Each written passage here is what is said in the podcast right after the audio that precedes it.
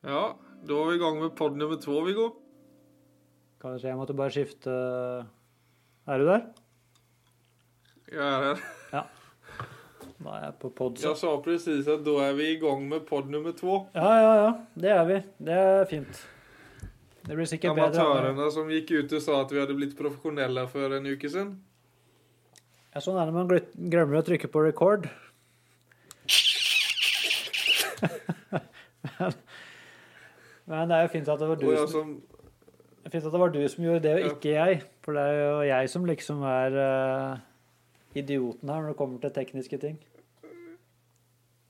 Ja, men da hadde det nesten vært bedre.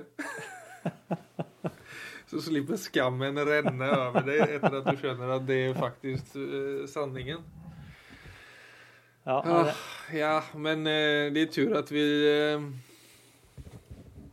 Det er tur at vi tykker det er kul å snakke ihop, da. ja da. Vi får satse på at det blir enda litt bedre andre gang, Philip. Åssen har Ja, dagen, åssen har har dagen, litt dagen din vært ellers, da? Bortsett fra at du glemte å trykke på record når vi tok opp uh, episoden første gangen. Ah, Altså, det startade jo dårlig, og så verkar den jo avslutte dårlig også, så Nei, den har vel vært fin, egentlig, men eh, Altså, vi hadde jo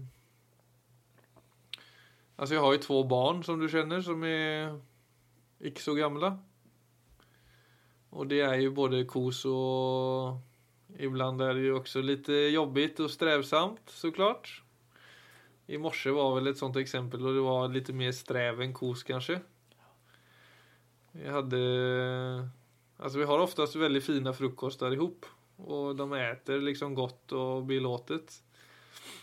Men eh, sen så skjer det jo at leken spårar litt ut der nede på gulvet og rundt vårt bord. Og i dag var en sånn dag da de var veldig sånn hetsade opp hverandre, og Wilhelm kom egentlig med den ene skoen etter den andre inn i, inn i stuen. Og det spelar ingen roll hvor hardt jeg enn forsøkte, liksom. Og Ja, og han og Til slutt så kom han in med skidskor, liksom. Og eh, Altså Det verste er vel at de ikke tar meg på allvar i sånne situasjoner. Altså Der står man med sin strenge røst og forsøker sitt bästa. Ja. Og så står de bare og liksom Ja, med et sånt provocerande smil på, i trynet. Og så bare blir värre og värre jo hårdare jeg forsøker, liksom. sant? Jeg har jo hørt mange ganger at uh, de beste lærerne i mindfulness er barn. Så jeg begynner å skjønne hvorfor, når du forteller meg sånne ting. Ja, det er, eh, det er jo sant, det. På en måte. Altså i hvert fall in action. Altså mindfulness in action, så er det jo det. Ja. Det er ikke å sitte stille i, på sin pute eller krakk eller stol eller hva det enn er, utan dette er, dette er livet, liksom. Ja. Og du, da? Var du eh, min autoritet og det å være sjanseløs pappa? Hva, hva har du å veie opp med det? Nei, så jeg, våk jeg våkna opp i skogen i dag, i uh, hengekøye. Ja, de stemmer. De stemmer. De sa du faktisk sist vi snakket. Klokka fem om morgenen med månelyset rett i fleisen. Og det var I jo ikke ti minus. Ja, i ti minus, ja.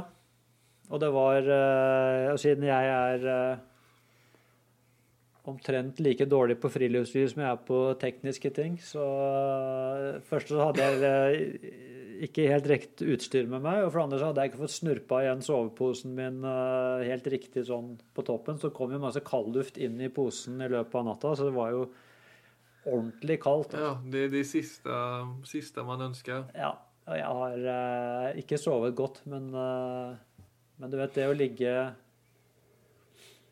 Det er veldig sjelden man, eh, man sover uten å være rammet inn av fire vegger. Og det Det merker jeg er eh, kjempebra for meg, rett og slett. Utrolig fint.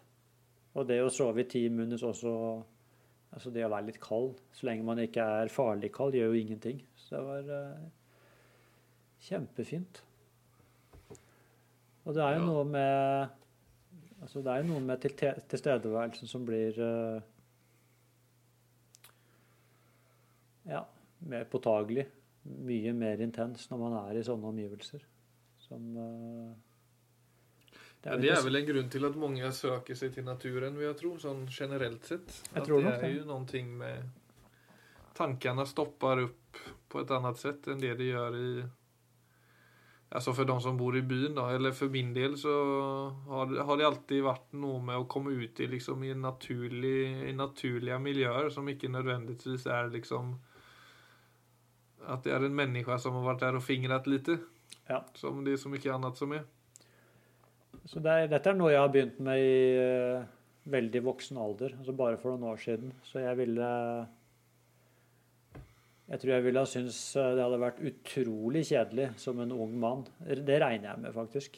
Men uh, det er kanskje noe man uh, Noen har det hele livet. Jeg har begynt å sette veldig pris på det som litt eldre. Altså, men det å bare ja, Vi var fem kamerater, satt rundt et bål i, vi dro ut klokka ett i går. Uh, i går. Så, ut i skogen, mm. henge opp køya, tenne bål. Vi hadde med en del ved, men det er også en del sånne døde trær som ligger rundt, så vi har med øks og sag. da. Så det er litt sånn jobbing for å holde bålet gående. Men ellers er det jo bare å sitte foran bålet. Men være det mye, da? Ja, det gjør det. det er, eh, når du får i gang en skikkelig bål, så, så er ti minus ikke noe problem. Det er eh, Utfordringen er når du går inn i køya og bort fra bålet. Men uh, utrolig ja. interessant. altså Den enkle sitte ute i naturen. Og det skjer ikke noe annet enn et bål og en samtale. Og du sitter jo under stjernehimmelen og etter hvert månelyset. Og den livskvaliteten som ligger i det, er jo interessant, må jeg si. altså. Men du sa jo det til meg Altså, for nu, du, du nämnde jo det nå, at det der, altså, tilstedeværelsen intensifiseres veldig i en sånn situasjon. Ja.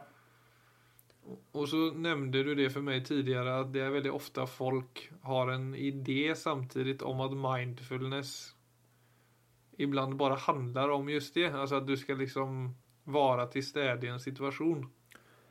At det, at det, det, liksom, du skal nesten som å slutte å tenke, nesten som å glemme seg selv. Altså at det er det de går ut på. Ja. Veldig bra innledning, Philip. Det er eh, Jeg tror det, hvis du hadde spurt nordmenn flest, i hvert fall, hva de forbinder med mindfulness, så ville nok de fleste sagt, eh, de som vet noe om det i det hele tatt, at det handlet om å være til stede i øyeblikket eller å være til stede her og nå. Som jo ikke er helt usant, men, eh, men det, er, det er veldig mangelfullt.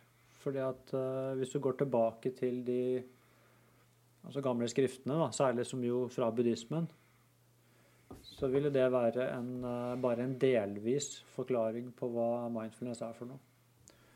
Fordi at den Du kan si det at du er til stede i øyeblikket med et klart og konsentrert fokus. Det vil du trenge i alle typer aktiviteter.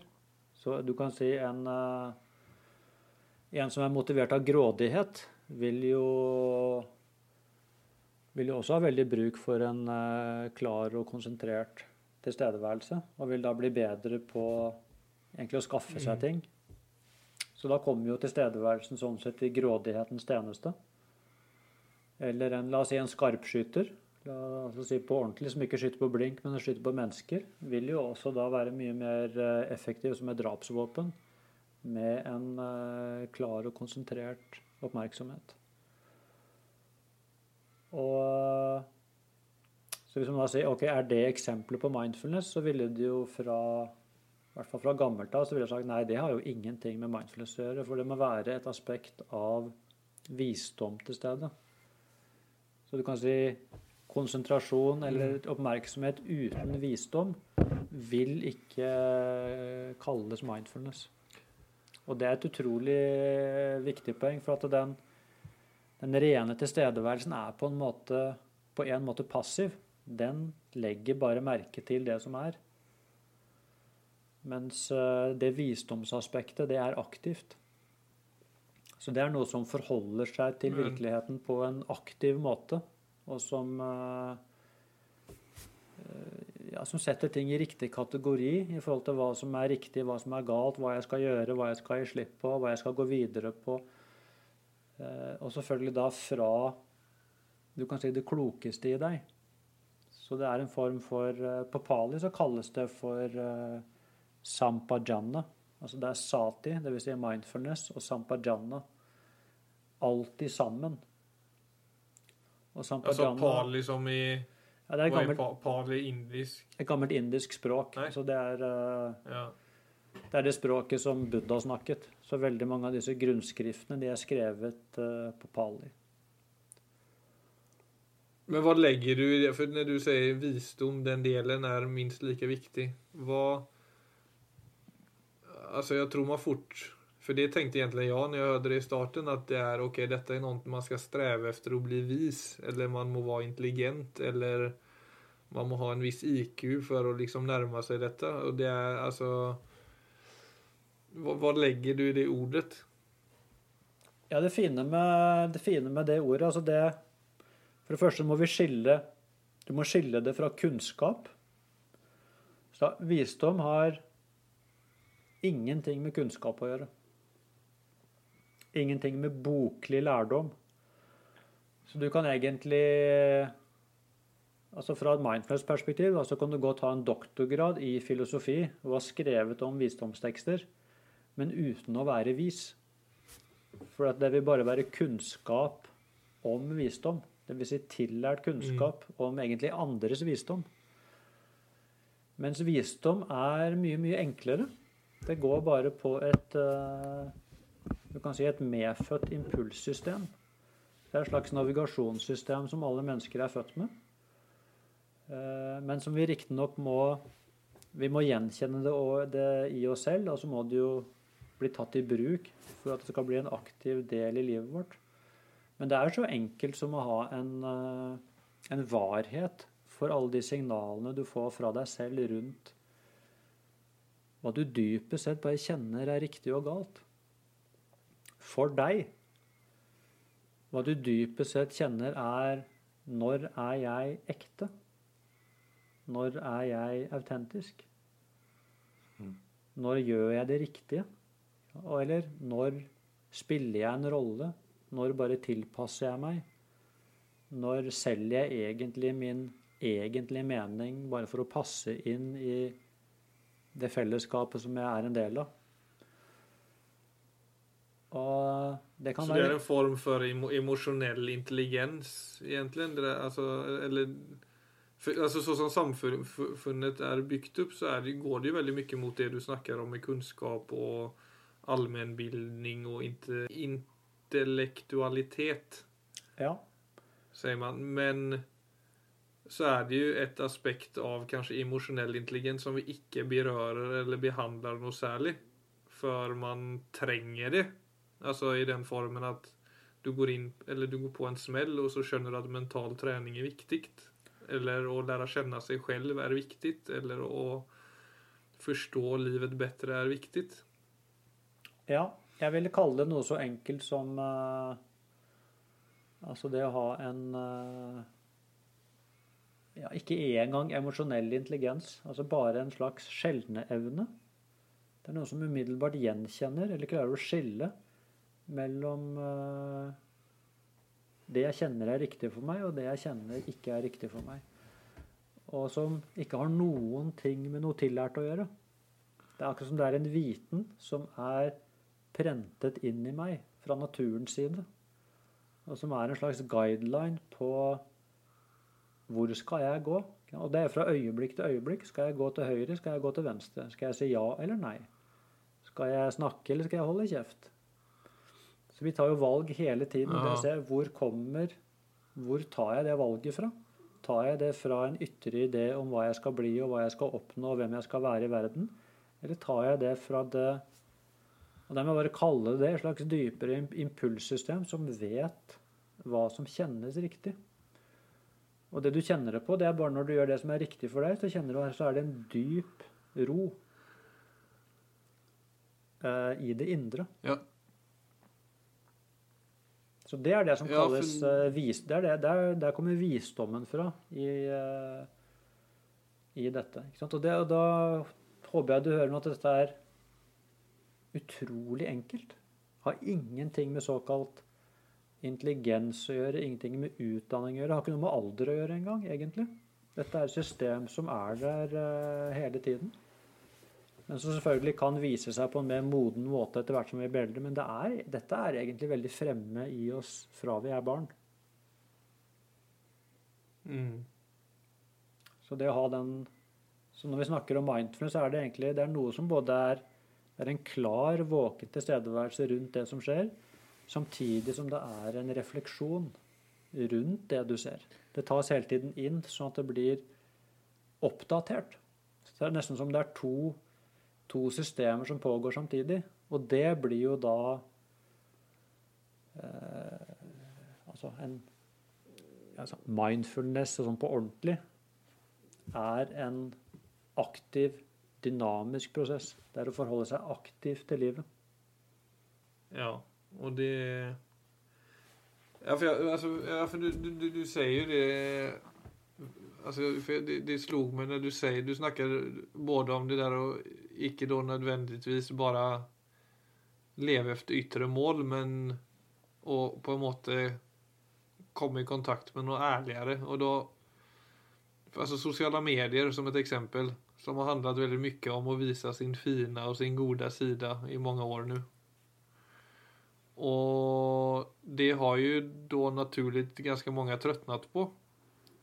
Eh, så det som på en måte har kommet opp nå veldig mye, er at mange bloggere og influencers egentlig da ønsker å vise en ærligere side, eller en mer ekte side om hvem man er og, og, og, det livet man har. Men det som det på en måte verker bli til just nå, var altså, enligt min analys, da, er at det, dette ærlige ja, eller dette ekte ja, holder bare på å bli en trend, eller en ny roll, mm. som mange da trær inn i.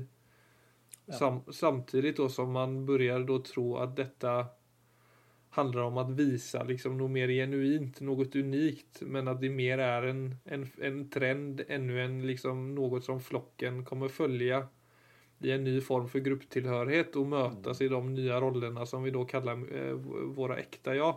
Ja. Och så tänker jag ju samtidigt att klyftorna då eventuelt kommer forbli de samme. Og har du ikke et spennende ekte ja, så kommer du på en måte ikke trenda noe særlig og visse egenskaper som innenfor det å være ekte kommer liksom slå høyere enn andre, og da kommer man ønske å følge det. Ja, det er et veldig godt eksempel å se at uh, Altså, en trend er en trend. Altså uansett uh, hvor den går.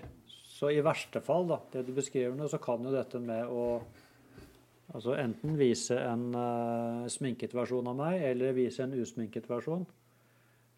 Men hvis begge deler egentlig bare handler om å få oppmerksomhet, så blir det jo bare det samme kronestykket. Det er bare kronen og mynten. Men det er det samme kronestykket. Det er veldig ofte det som skjer også i, med vanemønstrene våre. Vi tror det at å gjøre det motsatte er å være fri. Mens mm. frihet er å gjøre det som verken er kronen eller mynten. Det er det som bare er riktig. Og det vil jo aldri være Og det må man egentlig kjenne på intensjonen. For at det mm. Altså, er jeg nå ærlig fordi jeg prøver å få oppmerksomhet på å være ærlig, eller er jeg ærlig bare fordi this is it? Så det er klart, i det øyeblikket ingen snakker om det, det er ikke en trend, det er ikke en tema engang, så er det noe som begynner å bli riktig. For da er det bare det det er. Men, eh, men, samtidig, Phyllis, må jeg si at det, akkurat det du sier der, kan jo også være en, eh, altså en god tilstedeværelsesøvelse. For det er, det er akkurat det vi snakker om, egentlig. Sånn at vi går tilbake til utgangspunktet. La oss si at jeg nå skal legge ut en post om meg selv, da. Hvor jeg viser en La oss si jeg viser kroppen min som den er. Altså med rynker og fettvalker og alt som er. Ikke sant? Vær så god, verden. Her er min 50 år gamle kropp. Og så gjør jeg det fordi jeg ønsker å få positiv oppmerksomhet. Så er det jo ikke ærligheten side av deg.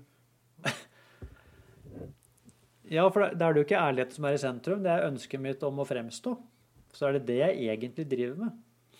Og hvis jeg i det øyeblikket jeg er i ferd med å gjøre det, så vil du si at det krever to ting. Det krever nummer én tilstedeværelse, jeg legger merke til hva jeg driver med. Og nummer to, jeg kan ta det til en refleksjon. Så det er ikke nok bare å legge merke til det. Jeg må også bringe det tilbake og se hva er det egentlig jeg holder på med nå. Og så kan jeg jo se da Ja. Ønsker jeg å fortsette bare med det som et rollespill? Og da, for da kan jeg begynne å ta stilling til meg selv. Og så kan jeg se det at eventuelt så kan jeg holde på med det så lenge jeg syns det er gøy, men på et eller annet tidspunkt så kan jeg si nei, dette er fortsatt bare et spill. Og da kan jeg øyeblikket være inne til å gjøre noe annet. Og da vil du se, det handler jo ikke da om jeg sender den posten eller ikke, det handler egentlig om hva som skjer i meg. Og da kommer vi hele tiden til det neste. ikke sant? Det blir jo da sånn, La oss si jeg legger merke til dette, og så blir nummer to, refleksjonsnivå nummer to egentlig, det blir jo da videre Hvorfor trenger jeg den typen oppmerksomhet? Hva er det egentlig jeg henter der? Hva er det som skjer i meg hvis jeg ikke får den type oppmerksomhet? Så vil jeg jo kunne få øye på min egen sårbarhet rundt dette med oppmerksomhet, og se at hvis ikke jeg får det, så er det noe som mangler i meg. Da vil jeg kunne kjenne på en Altså hvilke følelser er det som ligger under dette å ikke få oppmerksomhet, eller å få uønsket oppmerksomhet? Og så kan jeg begynne å ta stilling til det. Og Sånn sett så vil du se at tilstedeværelse og refleksjon de borer seg bare dypere og dypere inn i min egen psyke. Mm. Og eventuelt dypere. For sant? Fordi at det og Det er jo veldig viktig å få med seg også her. Det er hvorfor skulle man eventuelt begynne med noe sånt? Jo, det er jo fordi at det er en annen grunn der inne. Hvor jeg kan komme til et annet sted i meg selv som ikke trenger de tingene. Og hvor det fortsatt da er eh, joy. Ja. Ja, og det er jo, er jo en del in og ut, eller av mindfulness-praksis, i hvert fall. Sen er det vel av vissa livshendelser og situasjoner også, men det det er jo noe med, Altså, når jeg, når jeg på en måte har eh, eller er på plass i meg selv, så er det ofte noe som er bekreftet av seg selv også. Eller at den yttre bekreftelsen kjennes mye mindre viktig. Men når jag icke helt har, har den kontakten så kan jeg jo kjenne det altså både i sosiale mediesammanhang og i livet, altså, og i podden òg, for så vidt. Men så som å legge ut en bild og jeg får masse likes så kan jeg nesten ville holde på den bilden. Bare for at neste ikke skal bli eh, få mindre likes og det blir det siste inntrykket folk har av meg. Ja. Eller at du har en podd som vi, som oss och man blir väldigt nöjd med det senaste avsnittet. Så kan jag sen tänka att då måste nästa bli minst lika bra. För att det är precis som att det sista avtrykket avtrycket du lämnat i världen. Det är den domen du som menneske får. Og Skjønner da- du hva jeg mener? Ja, jeg skjønner veldig godt de hva du mener. Jepp. Og det, er- det er jo helt strålende, for da ser du jo Da ser du wow, hvor sårbart det er å skulle orientere seg etter ytre faktorer. Da ser du egentlig hvor begrensende det er. Hvis man legger Mm. trykket der. Til og med når det går bra, så blir jo det egentlig angstfremkallende, for da må du toppe det eller opprettholde det. Og det er klart, det er jo umulig, ja, det er no, ja. for det vil alltid gå opp og ned. Så da har du egentlig lagt bort uh, følelsestilstanden din til uh, ja, egentlig til andre mennesker. Ja, det blir ju som att kämpa för sin, alltså komiskt nog, för sin överlevnad nästan. Mm, ja. Alltså i, i en sån tillstånd, när du är på en måte så, och där kanske jag är extrem, men jag, jag kan vara, är jag på plats så är jag ofta väldigt på plats. Men om jag mister, om jag ikke är på plats och jag känner att det börjar spraka av oro och ängslighet i kroppen. Så börjar jag liksom febrilskt leta efter en lösning där ute som ska bekräfta min eksistens, more or less. ja. Og så er det noe med å huske på, da, fra Altså, jeg vil jo si at uh, så lenge det er sånn, så er jo det selvfølgelig helt fint. Men egentlig så sier man jo bare innenfor mindfulness at uh,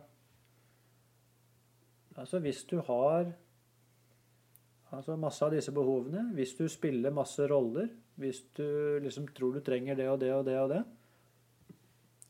så kan du i hvert fall undersøke det samtidig. Mm. Så, så det er på en måte en sånn Det er ikke egentlig noe, si, det er ikke noe feil noe sted, men alt kan bli gjort til gjenstand for undersøkelse. Så til og med når du kjenner at nå er jeg helt uten og trenger en masse bekreftelse, så er det på en måte så klare å koble på OK, nå er det sånn. La meg i hvert fall bruke dette til å finne ut litt mer av det. Så blir det også en, det er en utrolig vennlig innstilling til eh, egentlig egen sårbarhet og egne behov. Men jeg sier du må gjerne være der, men la, mens, vi, mens vi erfarer dette, la oss også undersøke hva dette egentlig er for noe. Og så vil man jo da ofte finne nye ting. Så det å tette, altså egentlig det å tette mine egne hull Mm. Beste måten å gjøre det på, Men det er jo det den- vanskelige i en sånn Det beste måten Hva vil du si noe til? Skal jeg komme inn? Ja, altså den beste måten å tette Nei, jeg, ja.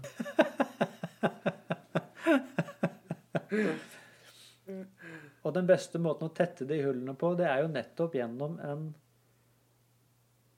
Altså ha den åpne, sjenerøse holdningen overfor seg selv. Ja, men det tragikomiske er jo i, alltså i en tilstand av oro så är ju, eller i en tilstand av vad som än er eller verker påfrestande eller krävande. så er det just det å opprettholde de hållningarna som er er det vanskelig. Alltså jag, Og dette er sikkert typisk et menneske, men når jeg føler på en sånn oro då, så lyckas jag av en eller annan grunn gjøre ting som er helt fel for meg. Alltså det, Då tar jeg de valen jeg ikke borde ta. Alltså Ja. jag tar det där glaset extra med alkohol. eller jeg tar og røker en eh, liten cigarr eller alltså whatever som Altså, alltså du, du finner det är precis som du finner några luckor som skal lette ditt obehag men som er det det du vet at du ikke borde gjøre da som du Ja. Og jeg tror, jeg tror der at så kommer jo ofte altså skam og skyld og selvkritikk og mm, alt det greiene der. Men jeg tror egentlig det kommer også fordi vi er innlært til det. Så det er også bare altså noe vi gjør av en vane eller uvane, fordi at vi, vi har på en måte lært at når vi gjør noe feil, så skal vi møtes med sånn eller sånn. Mens eh, det er jo mulig å gjøre det på en annen måte. Og jeg tror hvis vi hadde hørt det litt oftere At til og med når du gjør noe som du vet er helt på trynet, så i hvert fall møt deg selv med litt sjenerøsitet. Det er jo mulig å le av det. Og det er mulig å gå tilbake til å se hva var det egentlig som skjedde. Så vil du jo se det at nei, jeg hadde en dårlig følelse. Og så ville jeg ha en god følelse så fort som mulig. Derfor så tok jeg det glasset ekstra, eller tok en sigar, eller hva det enn var jeg gjorde. Så blir jo det helt forståelig. Det var det eksempelet. Det spiller ingen rolle. Patetisk. spiller ingen rolle. Men, men så kan du jo også se, for da, da, da slipper man skammen over det. Som, ja, det er jo naturlig. Jeg hadde en dårlig følelse, jeg ville ha en god følelse. Og så kan man gå videre og se Let's take a cigar. Det er. Ja. Hva fikk jeg igjen Ja, for det er det. jo 30, 30 minutter under stjernene, vet du. Sitte og røyke sigar. Det er perfekt meditasjon. Ja, Det kunne vært verre, syns jeg. Men, men allikevel for å si, fikk jeg det jeg søkte. For da kan du følge Igjen så kommer refleksjonen. Så kan du følge det helt til bunns. Og så kan du se det at Ja. Nei, jeg fikk ikke det jeg søkte. For jeg visste et eller annet sted, og det igjen, hvor kommer det fra? Det er jo det jeg vil si, disse visdomsimpulsene. Et eller annet sted i meg så visste jeg at dette var ikke riktig for meg akkurat nå. Uten at det trenger å bli en moralsk dom over selve handlingen, så var det det var ikke riktig nå. Det var noe annet som hadde vært riktigere for meg i det øyeblikket. Og da er det jo noe som ah, Da er det en innsikt der, istedenfor at det bare er at jeg trykker meg selv ned, for nå har jeg gjort noe feil. Nå fortjener jeg straff. Og så kan jeg holde meg nede lite grann, så er jeg oppe på nøytral igjen. Og så gjør jeg det samme en gang til. Hvorfor det? Nei, for jeg lærte ikke noe. For jeg straffet bare meg selv. Så så lenge vi driver og straffer oss selv, så lærer vi ingenting. Hvis andre straffer oss, lærer vi ingenting. Alt, vi, alt som skjer, er at vi blir harde innvendig. Og venter egentlig på muligheten til å gjøre det en gang til. Men det interessante er at akkurat det samme skjer når vi straffer oss selv. Da blir vi nødt til å gjenta. Og sånn bygger vi disse Så går vi en svingdør gjennom livet og gjentar de samme tingene igjen og igjen og igjen og igjen, inntil vi en dag lærer. Og i det øyeblikket du har lært, så trenger du ikke gjøre den samme tingen en gang til, for da, da vet du det. Så alt dette er egentlig bare en, en reise i lærdom. Altså hele livet er en reise i lærdom. Ja, og så er det en poeng det du sier om at man ikke nødvendigvis er trent til det. Nei, jeg tror det er Alltså vi er jo vana problemet. vid å tenke tenke og se efter snabba løsninger, og rent emosjonelt sett så er det så klart vanskeligere å tenke langsiktig, mener jeg. Altså det er litt sånn nesten som om vi er litt sånn emosjonelt handikappede der. At vi at man er så ivrig efter den der raske løsningen, og funker ikke yoga på en uke, så tester vi noe annet, og funker ikke det, så spiser vi litt ekstra socker for for å komme oss litt eh, høyere opp i känslolivet. Og det er jo det er jo litt synd at det er så vanskelig for oss å tenke langsiktig. Altså, Nå sier jeg vi, for det er jo, det, det er jo en sanning i det. At vi, mennesker, altså at vi, vi sliter virkelig med å tenke langsiktig når det handler om følelser. Og det er jo kanskje ikke så rart heller. Nei, det er ikke rart i det hele tatt, for det er veldig instinktivt. Så, så lenge ikke vi lærer noe mer, så er det ikke plass til noe annet enn den instinktive reaksjonen, som jo ofte er å få en bedre følelse med en gang, uten at vi tenker noe på konsekvensen. Mens jeg tror det å komme ut av instinktive følelsesresponser, det krever jo at vi må, vi må lære det et sted. Og per i dag så har vi ikke de arenaene noe sted i samfunnet. Med mindre man er så heldig å ha foreldre hvor man får den type opplæring. Men det har ikke de fleste. Og vi lærer det ikke på barnehage eller skole eller eh, høyskole eller universiteter heller. Så det Så de som lærer denne type ting, må søke seg til det. Det er på en måte statusen per i dag. Ja, og første steget er vel å kle av det litt, så klart. Og skal vi bare peke tilbake mot det du snakker om visdom, så er det vel egentlig også først da man kommer i kontakt med visdom i rett forstand. Når man klarer av å navigere seg litt bort fra instinktive handlinger. Ja. Det er jo der, det er derfor dette ordet mindfulness er så viktig. Altså sånn i eh, Altså i den buddhistiske visdomstradisjonen. Nå snakker jeg ikke om buddhismen som en religion, men som en visdomstradisjon. Så er mindfulness viktig, for det er der det starter.